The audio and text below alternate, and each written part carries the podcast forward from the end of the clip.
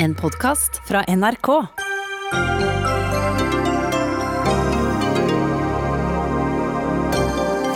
Arbeiderpartiet skal redde verden fra klimakrise på en måte som reduserer forskjellene og skaper arbeidsplasser i Norge, heter det i nytt partiprogram. Vinner de valget neste år på det, spør Dagsnytt 18. Søkelister i staten bør kunne være mindre offentlige enn i dag, mener sjeføkonom og tidligere statssekretær fra Høyre. Presseforbundet mener det i så fall er et demokratisk problem. En grunnskole hvor alt er på engelsk, kunne det være noe? Det vil Høyre i Bergen få til, but nynorsk is a better language, svarer Noregs Mållag. Og Unge Venstre vil fjerne alt om kristne tradisjoner fra partiets program, og innføre fri abort frem til uke 18, når partiet i helgen har landsmøte. Men hva synes KrF om slike frierier?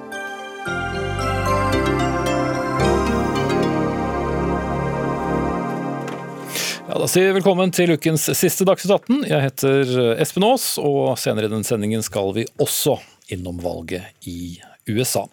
Men vi starter med følgende. Trygge jobber, sterkere velferdsstat og et Norge som skal nå klimamålene. Det er kortversjonen av de 115 sidene som er Arbeiderpartiets nye partiprogram, presentert av partileder Jonas Gahr Støre i formiddag.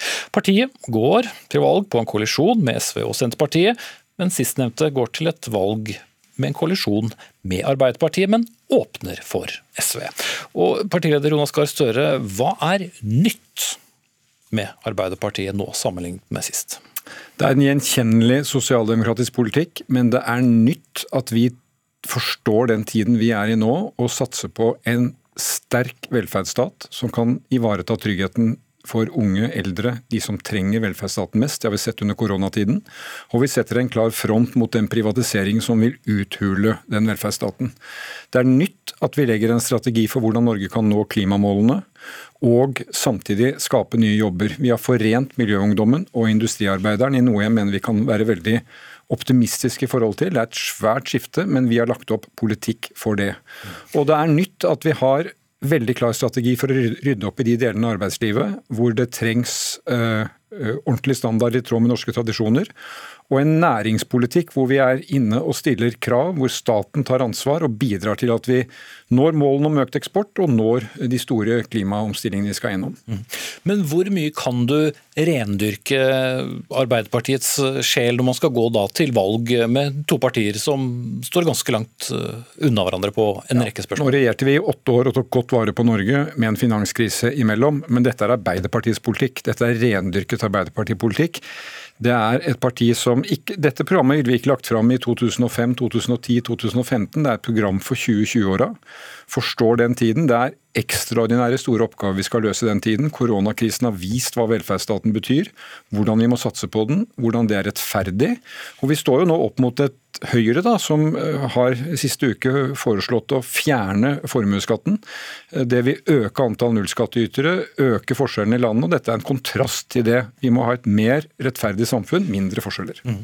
Men skatt, der eh, velger dere å vente litt da til statsbudsjettet er, er lagt fremme. og Det fikk jo en del oppmerksomhet både utenfor og for så vidt også internt i partiet ved forrige valg, da dere tallfestet en, en, en skatteøkning. Men kan Arbeiderpartiet gå til eh, valg uten også å si at det må bli eh, skatteøkninger, når vi har da en velferdsstat som du sier som vi skal ta vare på, i en tid hvor det blir flere eldre og færre som jobber. og vi, Hvis vi skal tilby det samme, så, så, må vi hente penger fra et sted. La meg si tre ting på det. For det første må vi ha et mer rettferdig skattesystem. og jeg kan si allerede nå, Med vårt opplegg så skal de med eh, middels og lavere inntekter betale mindre i skatt. Og de av oss som har høye inntekter og formue skal betale noe mer. Men det er ut fra det rettferdige som skal være der. Det viktigste måten vi kan finansiere dette programmet på, nå våre mål, det er at vi arbeider, og at flere arbeider. Vi har altså 100 milliarder kroner som går til eh, uføre utenfor arbeid. Antall unge uføre er doblet på Erna Solbergs vakt. Så den viktigste strategien er å få folk i jobb, få opp deltakelsen i arbeidslivet. Da er det færre på trygd, og vi får også økte skatteinntekter. Og det er bra for folk, for vi lever av hverandres arbeid. Mm. Men vil eh, dere ligge langt unna de 15 milliardene i økte skatter som dere var for fire år siden? Jeg tror jeg kan si såpass mye at vi vil ligge godt under. Og vi skal komme med et opplegg som også næringslivet vil si er forutsigbart. De står overfor store omstillinger. De skal ha en stat som er med på laget. Vi skal stille opp for dem. Ryggraden i norsk næringsliv er små og mellomstore bedrifter.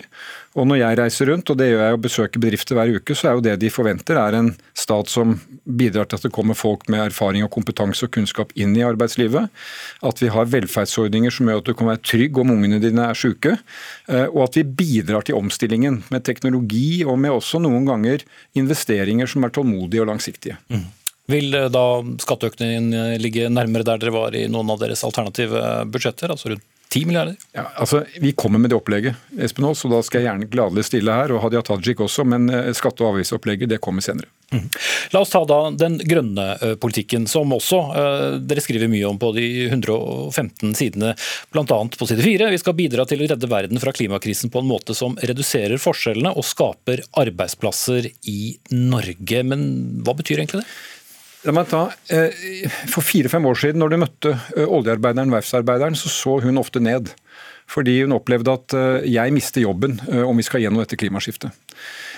Det er ikke tilfellet i dag, for jeg tror vi alle innser at i industrien så trenger vi de fagarbeiderne, de ingeniørene, de som er norsk industri. De sitter på den kunnskapen som skal til for å lykkes med de nye næringene.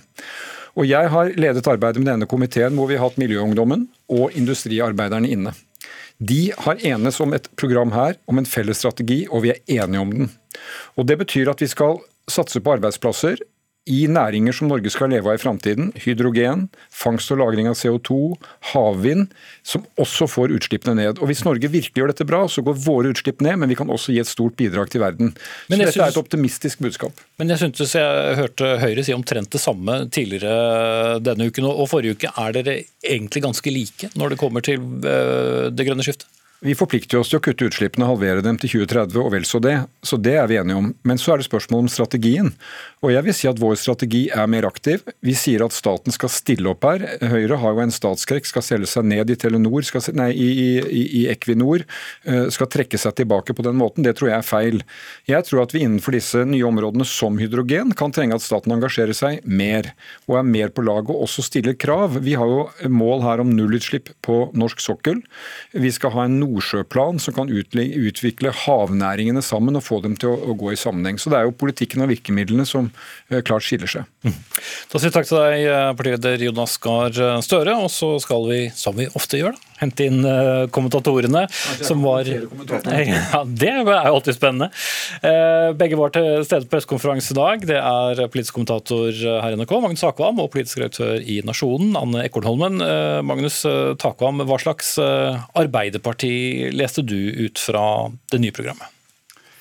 Jeg vil jo si at det er eller det man i hvert fall har en intensjon om med dette programmet, tror jeg er å, å vise at Arbeiderpartiet er, er, gjenkjennelig, som jeg også hører Støre snakker om eh, selv. At, å prøve å løse den tillitssvikten kanskje som har oppstått eh, mellom partiet og en del av de tradisjonelle kjernevelgerne som, som, de tross alt har, har, gjort. Sånn at de prioriterer disse områdene som er, er viktige, har alltid vært viktige for Arbeiderpartiet, med arbeid, arbeidsliv, øh, sysselsetting øh, og, eh, og, slike ting. Skole, velferdsstaten. Um, og så vil de prøve selvfølgelig å dra opp en altså, Mye av dynamikken som har skjedd de siste årene, er jo, mener jeg i hvert fall, at Høyre har flyttet seg mot sentrum i norsk politikk, og det har gjort det krevende for bl.a. Arbeiderpartiet å, å opprettholde hegemoniet på en del av de tradisjonelle, sterke sakene de har hatt. Og, ja, Hvordan da? Fordi det er vanskelig å se forskjellene? Ja, selv om som dere er inne på at formuesskatteproblematikken og sånn ligger hos Høyre, så har har Høyre siden 2006 liksom et, et, mennesker, ikke penger. Liksom de har greid, tross alt, å føler jeg, eh, manøvrere seg inn i et sentrum som har utfordret Arbeiderpartiet. Så kan man si mye om det. Og, og forsøket her på å dra en linje mellom Arbeiderpartiet og Høyre på en del viktige områder, tror jeg er sentralt. Selvfølgelig for å vise at det er en forskjell mellom mellom de to uh, hovedalternativene. Mm. Anne Ekornholmen, eh, Arbeiderpartiet sitter jo ved makten i mange av de store norske byene, men sier også i dag at eh, de skal fri til distriktsvelgerne. det samme som Senterpartiet, som de skal samarbeide med, gjør. Hvordan skal de kunne klare å kjempe om de samme velgerne? Ja, jeg tror jo, sånn som jeg hører eh, Støre legge fram programmet i dag, så, så, opplever jeg jo at det er en slags erkjennelse av at det er et distriktsopprør der ute. Eh, og som Støre også sier til Nasjonen, at, at det er eh, en avmakt og, som, og en mistro da, til det at staten har trukket seg tilbake eh, ut fra distriktene på mange måter under Erna Solbergs eh, regjeringsperiode. Eh, og, og det er jo også selvfølgelig en erkjennelse av at Senterpartiet har tjent mange velgere på det.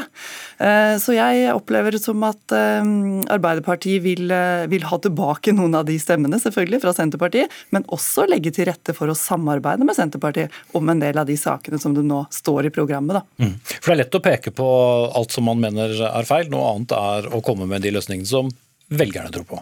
Ja, og så ser jeg jo det at det er, det er f.eks. når det gjelder utdanning. altså sted, man, Støre sier jo at man skal kunne Eh, ta utdanning som lærer eller sykepleier også utenfor de store byene.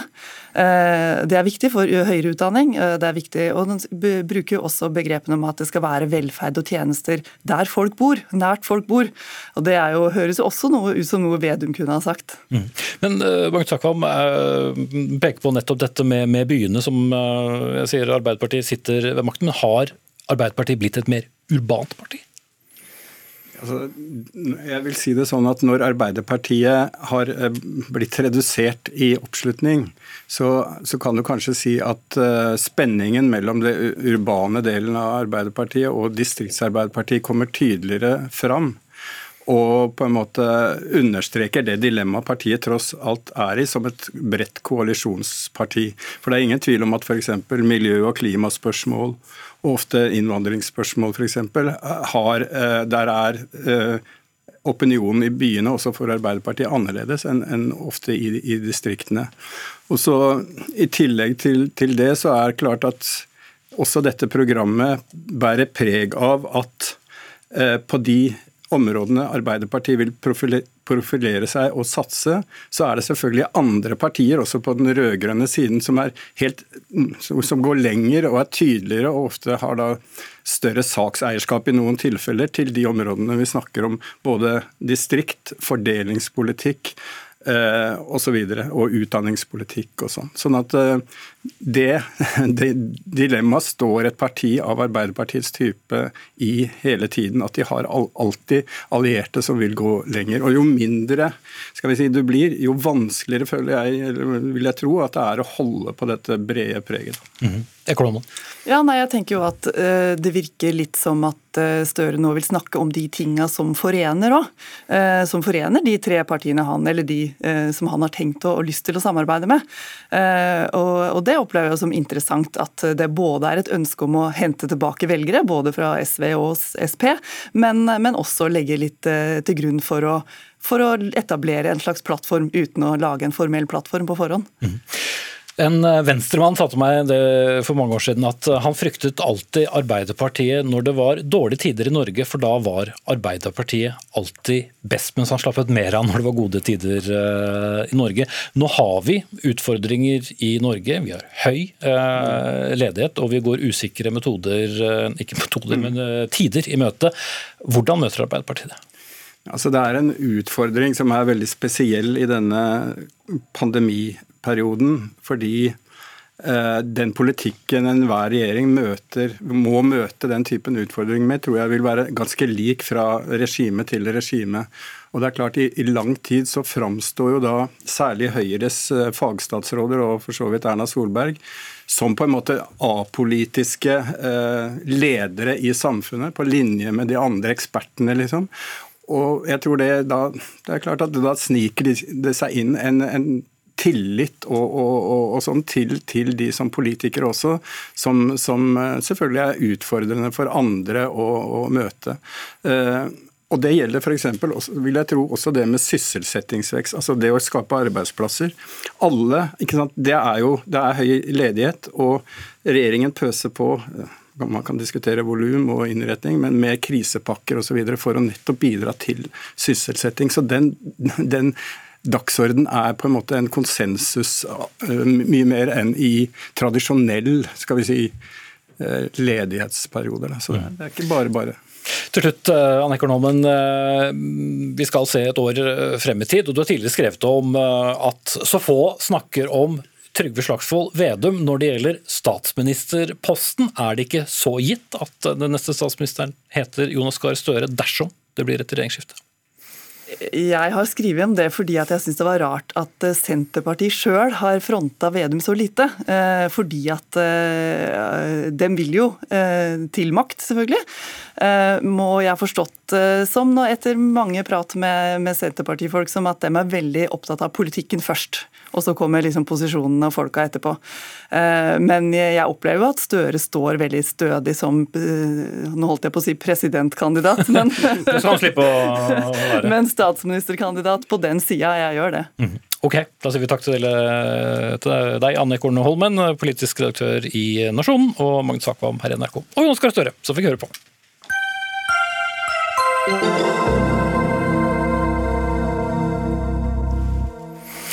Det blir mer partipolitikk mot slutten av sendingen, for Venstre har landsmøte til helgen, og vi skal eh, ha KrFU som møter Unge Venstre, som vil liberalisere abortloven.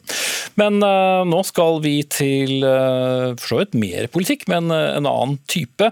Alle de ti trinnene på grunnskolen på engelsk kunne det være noe i Norge? Vel, det foreslår iallfall Høyre i Bergen. Partiet ønsker å tilby internasjonale linjer med engelsk som undervisningsspråk også i den offentlige skolen, slik det jo allerede er tilbud om på private, men kostbare skoler. Men dette er å skape et problem som vi ikke engang har, sier du Peder Lofnes Hauge, leder for Noregs eh, mållag. Eh, hvorfor vil du ikke ha noe av eh, engelsk undervisning i norsk grunnskole? Du, det vil jeg ikke ha, fordi det er en fryktelig dårlig idé. Og Jeg er redd for at Høyre eh, skaper problem når de prøver å løse et problem som ikke finnes. Eh, det er nå en gang sånn at den kanskje aller største utfordringa i norsk skole er at altfor mange elever går ut av eh, skolen uten å kunne lese og skrive norsk skikkelig. og Det er det få som har snakka så mye om som nettopp Høyre. Og så er det også et faktum at engelsk allerede i dag tar for stor plass på altfor mange områder i samfunnet. og Derfor mener vi i Norges Mållag at det er problematisk dersom den offentlige grunnskolen skal undergrave det norske språket som et samfunnsbærende språk på denne måten. Mm. Eivind Nevdal Bolstad fra Bergen Høyre, det er du som har eh, foreslått dette dette? Er ikke norske barn eh, mer enn gode nok i engelsk som det er? Eh, hvis det viser seg at det ikke finnes noe behov i Bergen for å opprette et sånt tilbud, så skal jeg være den første som skal gå på rådhuset og foreslå å legge det ned igjen. Eh, jeg tror derimot ikke det blir status. Hvis vi ser til Oslo, der man i 2016 opprettet et offentlig tilbud for grunnskole med internasjonal skole, så har det gått veldig bra med det tilbudet. Interessen er enorm. Det er et stort antall søkere. Den tiltrekker seg elever som, eh, som gjerne har eh, kommet til byen pga. foreldrene har eh, flytta for karriere i Norge og i Oslo. Og Erfaringen fra Oslo er jo at man ser at dette er ikke noe trussel mot verken det norske språket eller elevene sin lese- og, skriveferdigheter, men det er blitt et alternativ som nå det offentlige tilbyr, i motsetning til at det er kun privatskoler som tar flere titusener i i året for at elevene skulle kunne gå på dette tilbudet. Men, men hvilket problem er det du vil løse da for å rappe ordene til eh, Peder Lofsens Hauge? Jeg tror at eh, dette er et tilbud som vil være veldig attraktivt for de elevene som kanskje eh, har, har, behov for litt mer utfordringer i skolen. De ser vi tiltrekkes av denne type tilbud. Jeg snakker med Bergen næringsråd i dag, og de forteller meg at dette er tiltak som de tror vil hjelpe på når folk i utlandet sitter og vurderer om de skal flytte til Bergen og starte i ny jobb. De heier på dette forslaget. Eh, så det å, det å fremstille dette som at det ikke er noe behov for dette tilbudet, det tror jeg rett og slett er feil. For det er stikk motsatt av de erfaringene vi ser i Oslo, der tilbudet definitivt er populært, og de tilbakemeldingene vi faktisk får i Bergen. Ja, uh, Hauge, Det er jo ikke sånn at man skal tvinge folk til å måtte ta grunnskolen på, på engelsk. Det er eh, valgfrihet. Uh, så hva er problemet?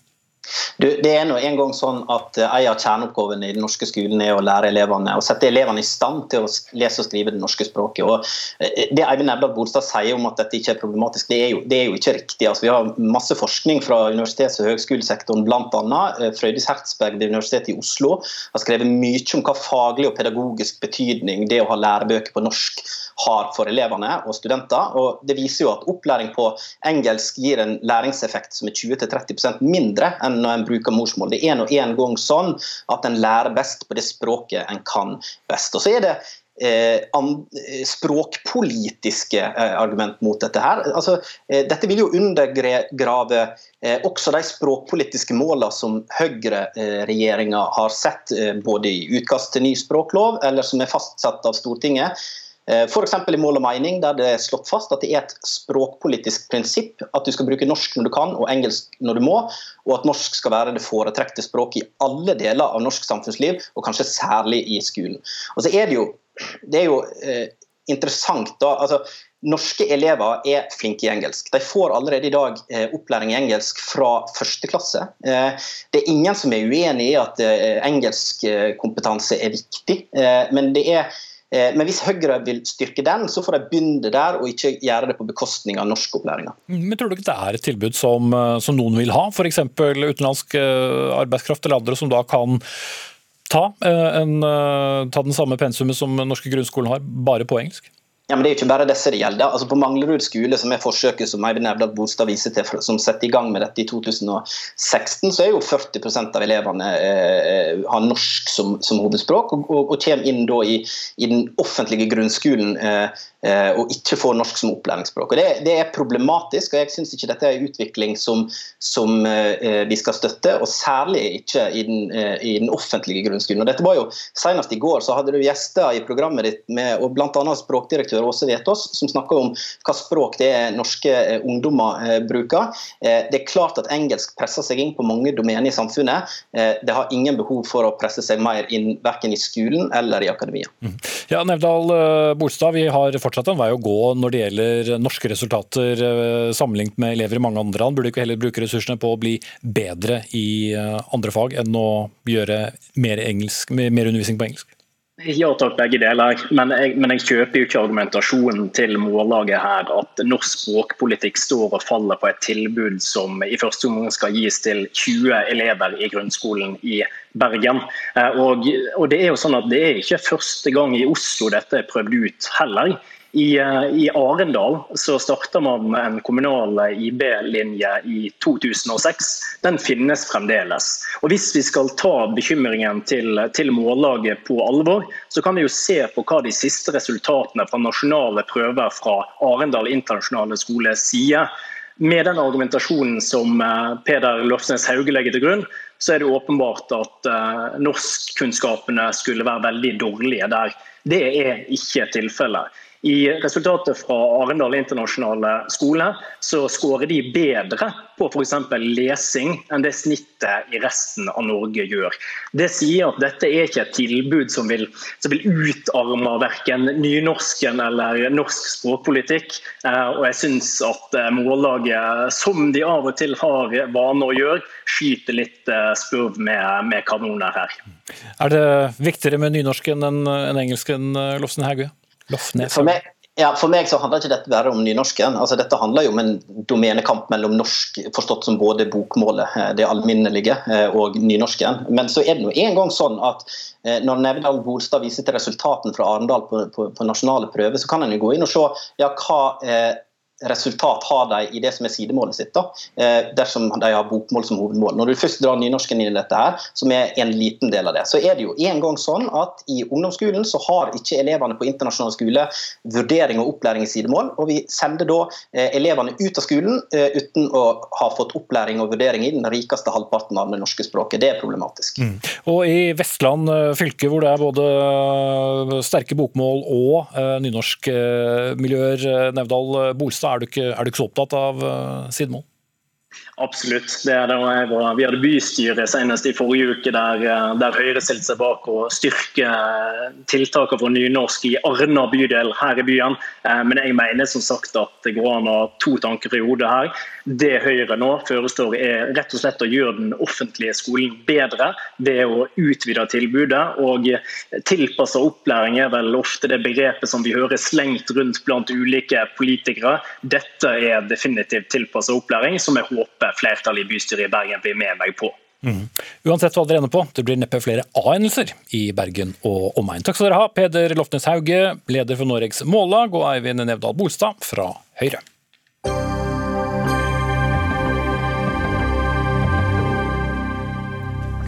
Vi eh, ser flere og flere rapporter som eh, forteller om europeiske land hvor folk nå må finne seg i at koronareglene strammes inn, fordi smittetallene de går opp.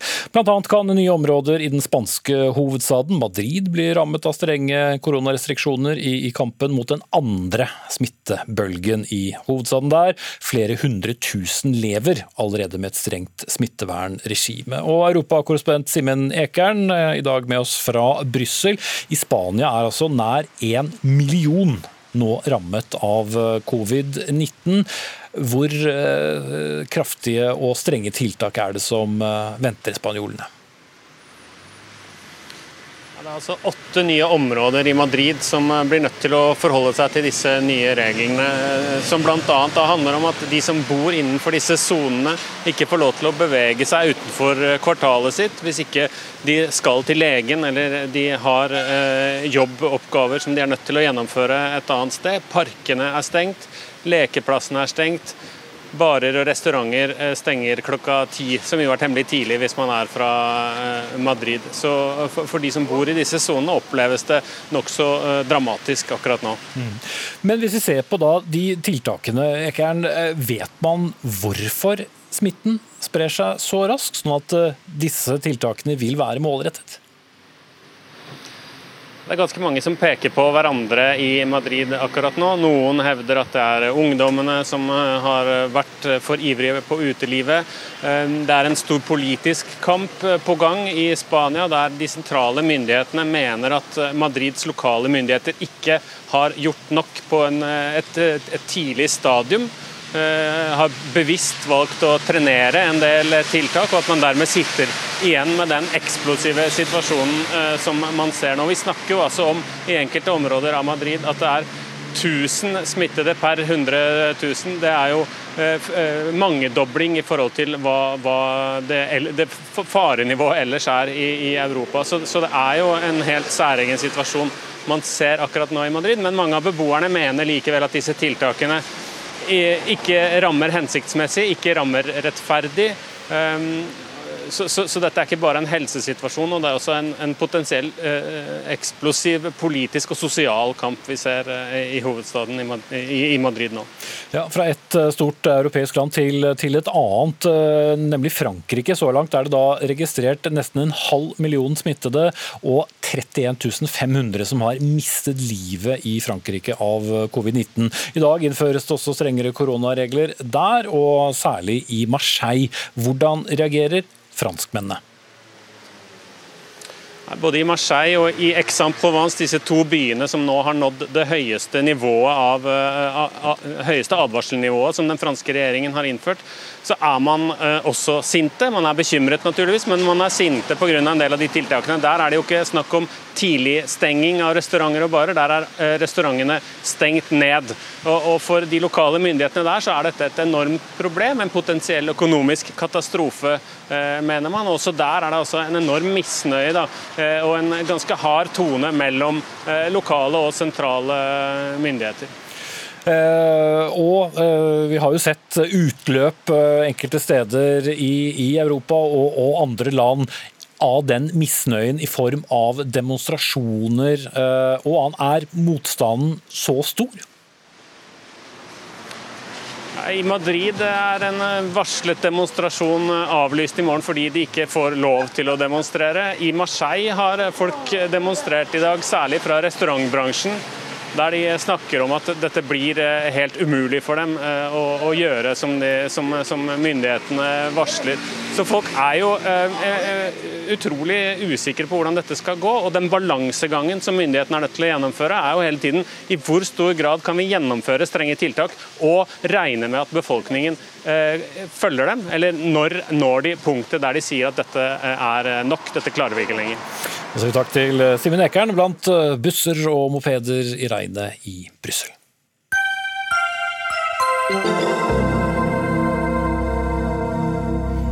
Og vi fortsetter eh, utenriks her i Dagsnytt 18, vi. Det er 40 eh, dager igjen til presidentvalget i eh, USA. I kveld holder president Donald Trump valgmøte i Atlanta i delstaten Georgia.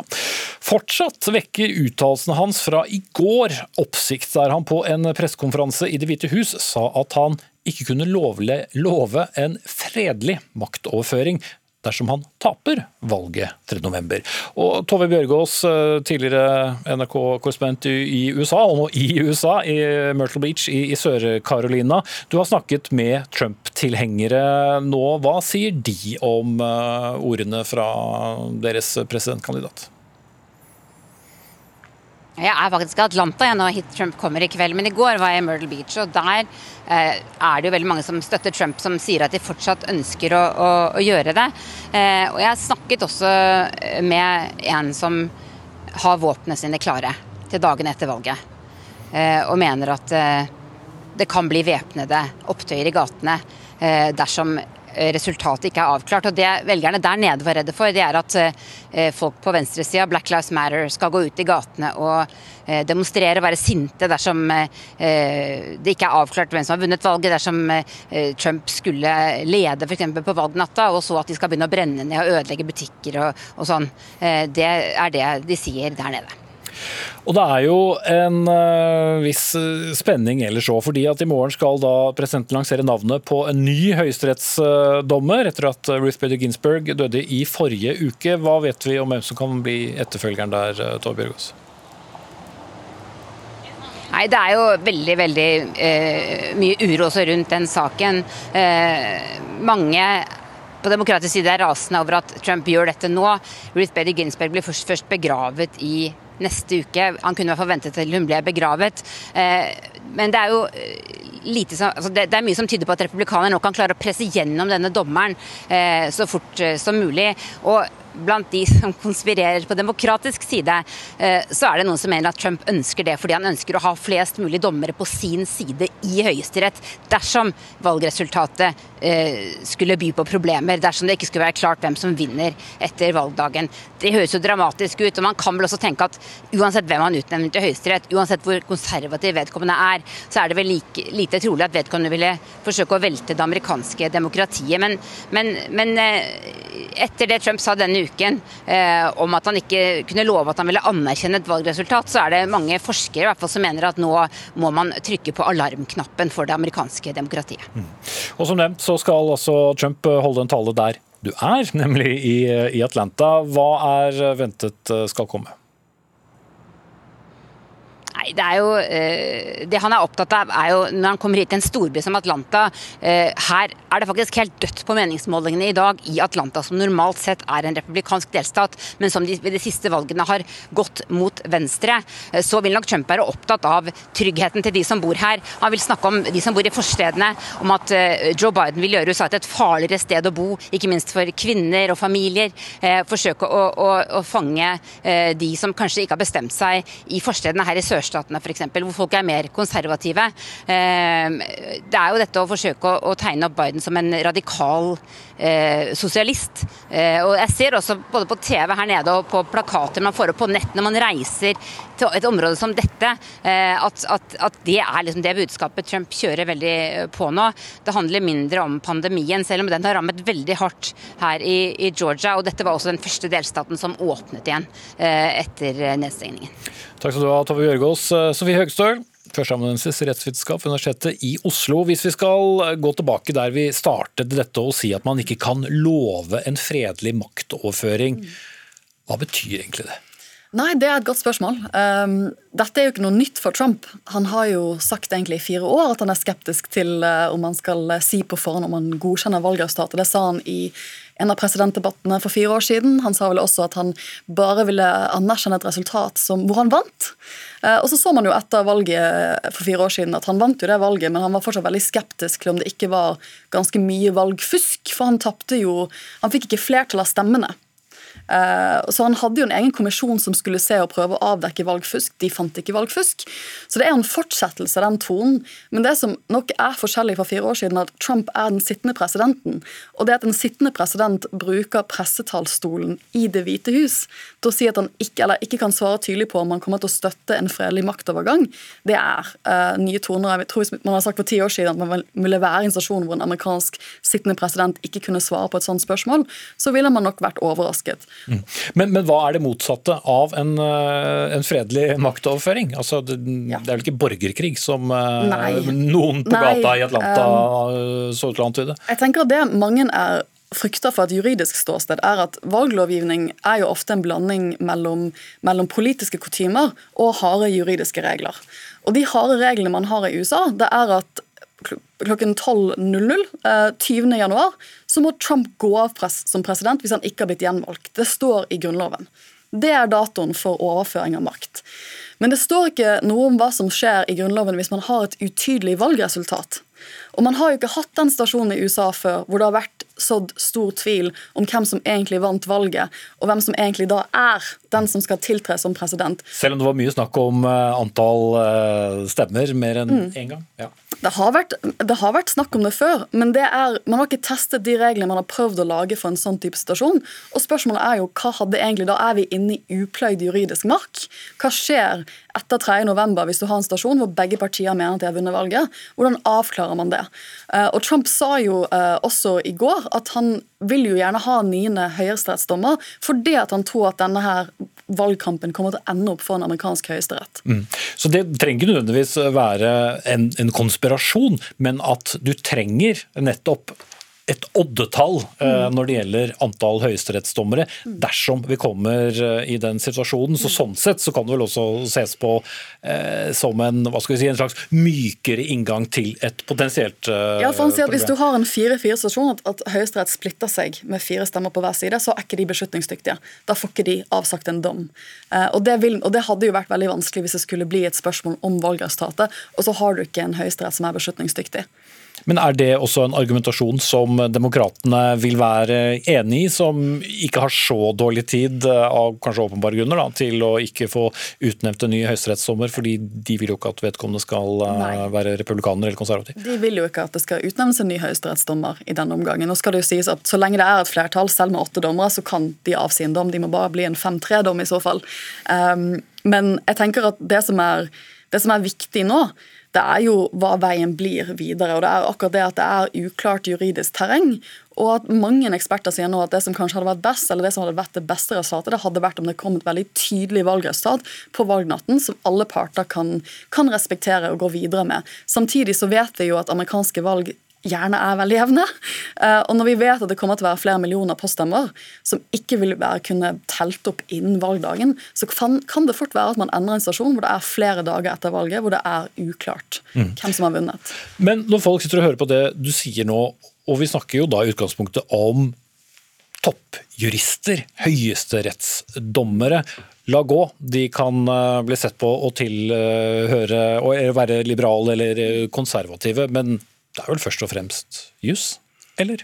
Ja, igjen, da er jo spørsmålet, Har man laget tydelige nok regler på hva som skjer hvis det er et uklart valgresultat? Eh, og man ikke har avgjort hvem som er the present elect, altså hvem er det som trer inn i vervet.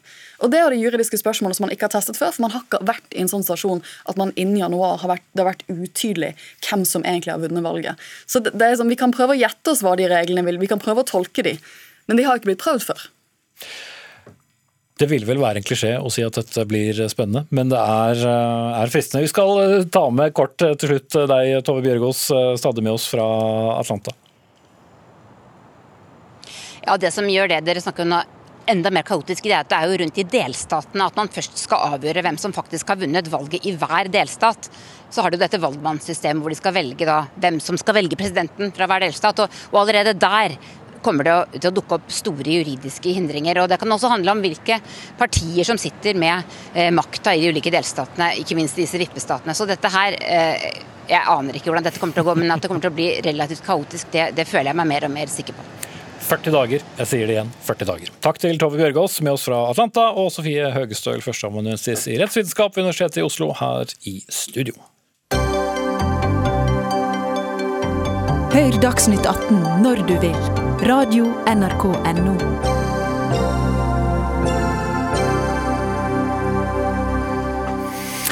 Da skal vi hjem igjen, som vi har sagt i NRK i mange tiår. Vi skal snakke om innenrikspolitiske forhold. Søkerlistene til stillinger i staten bør være mindre offentlige enn i dag for å sikre flere og bedre søkere. Ja, Det mener en sjeføkonom og tidligere statssekretær fra Høyre som er med meg i studio.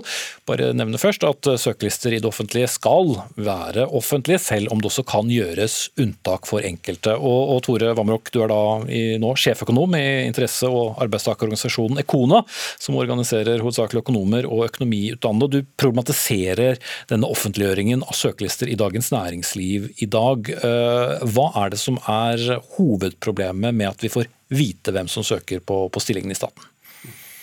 Eh, åpenhet og transparens er bra, men, eh, men dagens regelverk, som skulle sikret eh, åpenhet, fungerer mot sin hensikt. Så søkeprosessen er enda mer lukket enn det den ellers ville vært. Og det er ikke en reell åpenhet i dag. En åpen søkeprosess som er lukket, må du forklare. Ja, eh, og, og, nettopp denne forestillingen om åpenhet, eh, fordi regelverket i dag sier at eh, det skal være full åpenhet, gjør at mediene og vanlige borgere er mindre oppmerksom på, på den egentlige ansettelsesprosessen. Så Den foregår i en lukket prosess i regi av rekrutteringsbyråer. Og det er her selve utvelgelsen foregår. Og Denne prosessen favoriserer søkere med tradisjonell bakgrunn og hindrer mangfold i alle aspekter. Eh, det er en utfordring at det er for få som kommer eh, med erfaring og kunnskap fra privat sektor til offentlige lederstillinger. Og Det er mange dyktige kandidater som kvier seg for å søke, fordi de ikke ønsker å ta denne kostnaden som det er å stå på en offentlig søkeliste. Mm. Så rett og slett det med at du som f.eks. er leder fra private næringsliv søker på en, en, toppjobb, enten det er i skatteetaten eller Nav eller andre steder hvor det er blitt skiftet uh, toppstillinger i, i det siste, gjør at vi ikke nødvendigvis får det spekteret av gode søkere som vi burde ha? Ja, for jeg tror det er mange i, eh, i privat sektor som, eh, som, ser at det vil være en kostnad å stå på en offentlig søkeliste dersom man ikke får stillingen. Men hvis du vil ha en jobb, så vil du vel ha en jobb? Ja, da vil man ha den, men eh, da signaliserer man samtidig til, til nåværende arbeidsgiver at jeg er egentlig på vei ut fra min nåværende stilling, og, og er ikke motivert for å, å gjøre den jobben som jeg er satt til å gjøre i dag. Kristine Foss, du er eh, jurist og rådgiver i Norsk Presseforbund. Deler du eh, Vamroks eh, bekymring? Jeg er enig i at loven ikke fungerer etter hensikten sin. Jeg er ikke enig i at vi ikke bør ha åpenhet rundt stillinger i det offentlige. Det er et veldig viktig prinsipp at det skal være en åpen prosess i forkant av en ansettelse. Og Det handler om to ting. Det handler om muligheten til å kunne ha en opplyst debatt om rette kandidat får stillingen sin, eller stillingen i det offentlige. Og det handler også om muligheten til å kunne ettergå ansettelser. At det er de rette hensynene som ligger til grunn for en ansettelse, og at ikke man legger vekt på kjennskap og vennskap i forbindelse med ansettelser. Så jeg mener det er en viktig regel, men jeg er også enig i at den ikke fungerer som den skal. Hva er en bedre løsning? Nei, altså En bedre løsning ville jo vært å fulgt loven, og ikke innrette seg på en måte som gjør at loven ikke følges. Og Det er det som skjer i dag, og det er det som er et problem. Vi har et strukturelt problem her med at man har innrettet seg på en måte som er i strid med loven. Og vi har jo, altså Stortinget står jo bak dette og har bestemt at vi skal ha åpenhet. Og jo viktigere stillingen er, jo mer åpenhet. Og Det er fordi det er et viktig demokrati at det er rette person som får jobben. Og Hvis denne her hadde blitt fulgt, så hadde vi også fått gode søkere og gode kandidater. fordi at Da hadde man hatt en skikkelig debatt, og eh, da hadde dette her også kunne blitt en demokratisk prosess. Da. Og det er i seg selv viktig. Det handler jo også om tilliten til den som får jobben da, i siste runde. Men uh, samtidig, problemet som Amrok peker på med at uh, en arbeidsgiver da uh, vil få et sterkt signal fra noen som søker på en jobb, det blir jo ikke borte.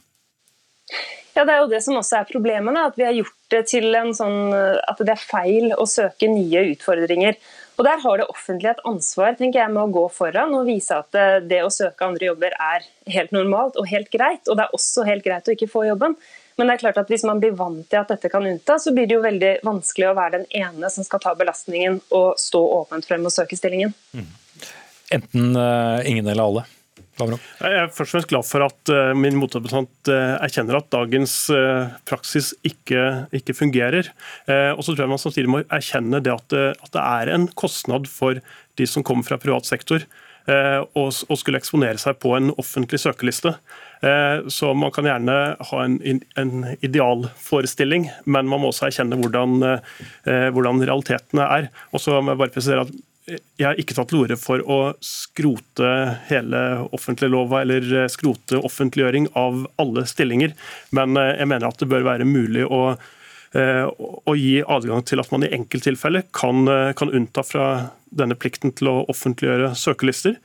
Og, og jeg mener at man må, inn i en debatt om hvordan man kan løse dette problemet gjennom enten et slikt tiltak, eller også å, å vurdere om søkerlisten skal offentliggjøres etter noen år. Altså Man må se på ulike relevante løsninger. Altså kan hemmeligholdes i, i så mange år, og så kan vi i pressen og andre få, få innsyn og se hvem som søkte på å bli oljefondsjef eller uh, Nav-direktør, eller hva det skulle være? Det, det er en helt vanlig praksis i offentlig forvaltning at man har utsatt offentlighet, og det kan gjelde både for fem år og for 30 år for den saks skyld, eh, hvor, hvor, eh, hvor, det som er en belastning å gå ut i offentligheten med i dag, ikke vil være en belastning om noen år. slik at eh, det, er også en løsning man bør vurdere. Kristine mm. Foss Marte Gerhardsen, som nå er direktør i Utdanningsstaten i Oslo, har tidligere sagt at hun ikke hadde søkt den jobben dersom ikke hun kunne være unntatt offentlighet. Ville ikke en offentlighet i etterkant sikre oss et, eh, et bedre mangfold av, av, søkere også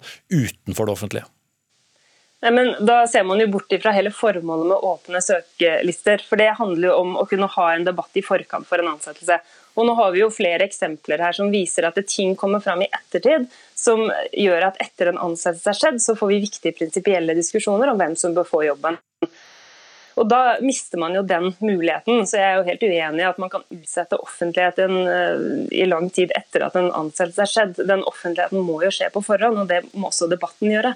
Vi må ha en eh, skikkelig diskusjon og en skikkelig mulighet til å kontrollere ansettelser før det skjer.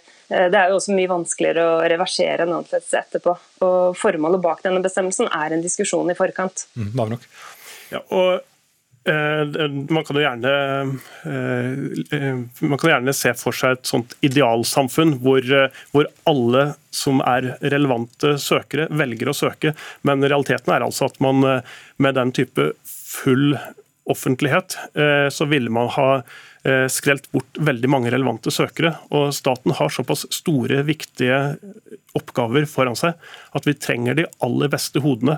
Eh, til å få løst disse oppgavene. og Da må man eh, rekruttere fra alle grupper, og ikke bare fra, fra de gruppene som allerede er ledere i offentlig sektor i dag. Mm. Men Hvordan skulle vi i pressen eller andre da kunne gå inn og, og sjekke at det ikke er noen bindinger mellom en, en jobbsøker og, og, de som uh, ansetter, når prosessene blir da mye mer lukket? Jeg mener at det ikke vil bli mye mer lukket enn i dag. Fordi vi har sett et par nylige eksempler, som programleder nevnte. at Eh, stillingen som Nav-direktør, en kjempespennende utførende stilling, var det kun én kvalifisert søker til. Stillingen som skattedirektør var det kun to kvalifiserte søkere til. Og Så kan man jo spørre seg selv om man, man tror at det virkelig bare var henholdsvis én og to som var interesserte og meldte sin interesse for disse stillingene, eller om det i realiteten skjedde en skjult prosess. Ja, Vi skal ikke spekulere i det, men eh, Kristine Voss, til, eh, til, den uh, problemstillingen som er da ganske konkret.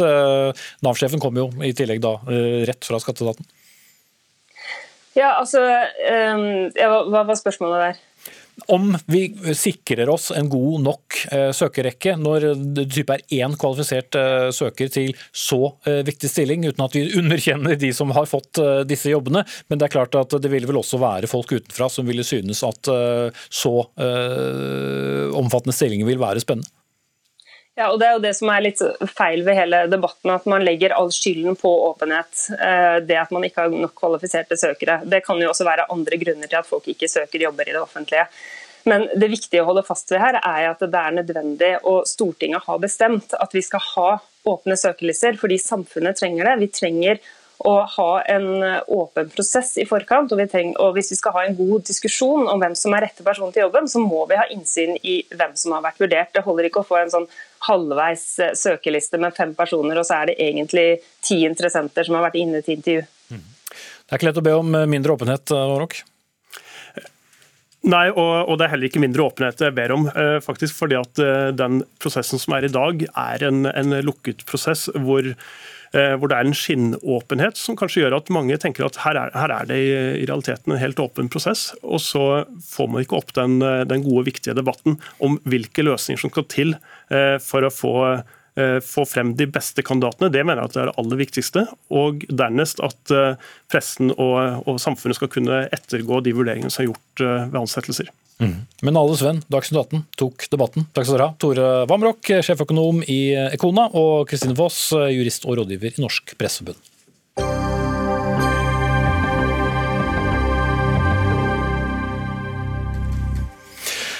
Som allerede nevnt, det er eh, mange partiprogrammer og landsmøter i Norge for tiden. Og nå er Venstre neste ut, og Unge Venstre ja, de ønsker å fjerne siste rest av eh, kristendom fra partiets eh, program, og også forlenge selvbestemt abort fra uke 12 til uke 18. Det foreslår du, Sondre Hansmark, leder i Unge Venstre, også medlem av Venstres programkomité, som står for dette forslaget på, på landsmøtet i, i, helgen. Er det for å vise mest mulig avstand til regjeringspartner KrF? Nei, det handler jo ikke om det. Det handler om at eh, For Venstre så har det alltid vært viktig at man har et eh, stort og sterkt skille mellom det som er stat og kirke, og et sterkt skille mellom det som er religion og politikk. Eh, når det kommer til dette forslaget som jeg har om at man skal ta ut denne delen om kristne verdier i prinsipprogrammet, det er jo en diskusjon man kan ta med et smil. Men så handler det for meg om at Venstre har programfestet at de ikke ønsker henvisninger til kristendommen i Grunnloven. Og Prinsipprogrammet til Venstre er på mange måter Venstres grunnlov. Og jeg synes De verdiene som er viktige for Venstre å fremheve, det er at vi skal ha en sekulær stat. Vi skal ha skille mellom stat og kirke. Og vi skal sørge for at alle kan få tro på den religionen som de ønsker, uten at vi skal fremheve noen spesifikke religioner. Mm.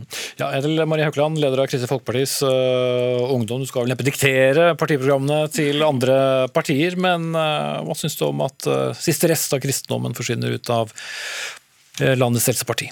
Jeg vil jo tro at eh, Venstre sine velgere er ganske trygge på at de stemmer på et annet parti enn eh, KrF, når man bl.a. sier nei til eh, søndagsfri og ja til aktiv dødshjelp.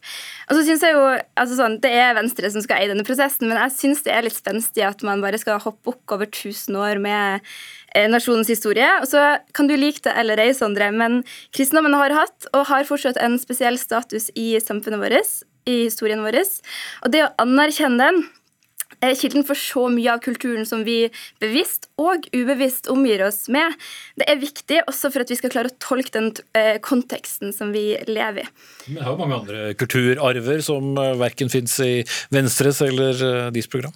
Vi sier jo at det er den kristne og humanistiske eh, verdiene som, som, vi bygger landet på. og Det har vi gjort i mange år, og det håper jeg at vi skal gjøre fortsatt fremover. Mm. Det er altså én setning det handler om, Hansmark. Det norske samfunn er preget av kristne og humanistiske tradisjoner. Det er vel ikke akkurat noe som gjennomsyrer eh, programmet. Er det en, en viktig prinsippsak? Nei, altså Dette, dette er ikke alfa og omega for Unge Venstre å få gjennomslag for, men jeg mener jo at når man skal diskutere et prinsipprogram som nemlig skal reflektere våre viktigste prinsipper som et politisk parti, så er denne type formuleringer verdt å diskutere. Og Det er helt riktig det at det norske samfunnet har vært preget av, av kristne verdier. Men det har også vært preget av uh, sosialdemokratiske verdier, uten at Venstre trenger å nevne det eksplisitt i sitt program. Og så er det klart at vi skal ikke gå inn, vi, Ingen, ingen ønsker å til valg for å, for å, fjerne kristendommen i Norge. Folk skal selvfølgelig få lov til å tro på det de ønsker. Men den store forskjellen på oss og Kristelig Folkeparti er at vi mener at tro er en privatsak. Vi mener at tro er noe som folk skal få lov til å holde på med hjemme og i kirken og hvor de vil henne, men at staten ikke skal favorisere visse typer religioner. Men det er ikke det, det som står i setningen, det står jo bare at det norske samfunnet er preget av kristne og humanistiske tradisjoner, og det er det vel? Ja, og det var det jeg begynte med å si, men det er også mange andre eh, religioner og trosretninger som samfunnet er preget av, uten at vi trenger å nevne alle de eksplisitt i dette programmet. Og De viktigste verdiene for meg, og også for Venstre, det handler om å sikre en sekulær, religionsnøytral eh, stat, som gir folk muligheten til å tro på det de ønsker. Mm. Og så er det en annen sak som for ikke bare diskuteres i, i, i Venstre, men det handler om eh, å forlenge selvbestemt abort fra uke 12 til uke 18. Hvorfor er det en viktig sak, eh, Hans Mark? Ja, det er viktig fordi det er kvinnen sjøl som skal ta det endelige valget for hvorvidt hun ønsker å bære fram et barn eller ikke. Eh, og jeg mener at Dagens system, hvor du har eh, tillatt fri abort fram til uke 12, men mellom uke 12 og uke 18 så må du møte i en nemnd og forklare hvorfor du ønsker å ta abort, den ordningen mener jeg er problematisk. Fordi at Nesten alle som går inn i disse nemndene, de får godkjent å ta abort etter uke 12. Og da er spørsmålet Hvorfor skal vi tvinge mange kvinner i en abortnemnd bare for at de skal komme ut med et ja på den andre siden? Dette er med på å gjøre denne situasjonen ganske mye vanskeligere for en del kvinner. Og så kan du snu på det. Hvorfor skal vi si nei til kun en håndfull kvinner hvert år som ønsker å avslutte dette svangerskapet? Og Her skiller vi oss også ganske markant fra KrF, det må jeg også få si. KrFU hadde jo landsmøte nå forrige uke, hvor de nok en gang vedtok å fjerne retten til selvbestemt abort. Skal, du skal ikke ta programmet til, eh, til, KrF, eh, Hansmark, du skal heller Haukeland få, få svare selv. For hvorfor er dette, hvis, hvis, forskjellene da eh, på å ha disse nemndene og ikke ha disse nemndene er så små, som Hansmark og for så vidt andre også påpeker, hva, hva er da poenget? Ja, jeg mener det at de nemndene har fått et ufortjent dårlig rykte. Kvinner de fortjener eh, god informasjon, de fortjener dyktige fagfolk rundt seg. Og så er det et poeng at disse eh, nemndene skal ta dette vedtak i, sammen med kvinner det gjelder. Eh, og Det er to leger. Det skal være én mann og en kvinne. Får man nei, så skal det gå videre til en klage til en klagenemnd. Um, og det her handler om at man skal få diskutert et inngrep med eh, helsepersonell. Eh, og ingen inngrep er uten risiko, og derfor så mener jeg at eh, nemnda fortsatt bør bevares. Mm. Men du får jo masse informasjon uansett hva du skal gjøre medisinsk i Norge. Når du oppsøker lege eller tar kontakt med et sykehus, må man da ha denne ekstra nemnden? Det er ikke ja. sånn at informasjonen vil bli holdt tilbake? Her er det sånn at, at man gradvis gir fosteret mer eh, rettsvern etter hvert som det går. Altså, har, vi, I Norge i dag så har vi fri abort i uke tolv. Og etter det så, så, kan man komme til en nemnd og eh, ta en samtale der. Sammen med eh, to leger så kan man finne ut hva som er en god løsning videre. Mm. Eh, Hans Mark, eh, som du selv sa, det er jo ikke snakk om eh, mange kvinner som dette gjelder hvert år. Hvorfor er dette en, en viktig kampsak, når uansett resultatet er som du selv sier? Fordi jeg tror det er viktig for de kvinnene som føler at det kan være ydmykende å gå inn i en nemnd og måtte forklare hvorfor de ønsker å avslutte et svangerskap. Og Dette handler ikke om å gi informasjon til kvinnen. Dette handler om at Kristelig Folkeparti ønsker at noen andre enn kvinnen skal ta det valget til slutt. Og Hvis vi ser på landet rundt oss, som f.eks. Sverige, som har tillatt fri abort fram til uke 18, så er det et system som funker ganske fint. Og Vi må huske på at de aller fleste aborter de tas før uke 9. Da er med de medisinske komplikasjonene mindre, og folk flest ønsker å avslutte et uønsket svangerskap tidlig. Men dette er rett og slett snakk om hvorfor skal vi ha et system som gjør at kvinnen er nødt til å dra til en nemnd og forklare seg for noen andre om hvorfor man ønsker å ta det som for mange er et ganske vanskelig valg. Mm. Og KrF må ikke få lov til å lure lytterne her, sant? for de ønsker jo ikke å ha selvbestemt abort i det hele tatt. På verdensbasis jo, jo, nå, er det 68 000 kvinner som dør hvert år av utrygge okay, aborter. Men, det er det systemet som KrF ser til. Nå, holder Vi oss til Vi har sagt at vi ønsker sterkere rettsvern for fosteret. Og når jeg ser nå at uh, Unge Venstre ønsker fri abort i uke 18, uh, eh, Rødt har foreslått uh, uke 22, Sondre, du har selv sagt at du, du kunne tenkt deg fri abort til uke 24. Når vi da vet at vi kan redde foster i uke 23 og uke 24, og når vi har mer informasjon om fosteret, så, så, tenker jeg at det er kanskje ikke så dumt at det er noen som eh, tenker på fosterets rettssikkerhet også. Mm. Jeg setter eh, strekk og konstaterer at det er en del forskjeller mellom uh, dere. Sondre Hansmark, leder Unge Venstre, og Edel Marie Haukeland, leder av Kristelig Folkepartis Ungdom. Én ting har dere til felles, dere vil komme dere over sperregrensen. Vi er ved veis ende med Dagsnytt denne uken. Ansvarlig for denne sendingen Anne Katrine Førli. Marianne Myhrol tok seg av det tekniske. Jeg heter Espen Aas. Det blir nye sendinger over helgen, og et sammendrag av denne ukens sendinger som alltid å finne på radio i helgen. Takk for nå.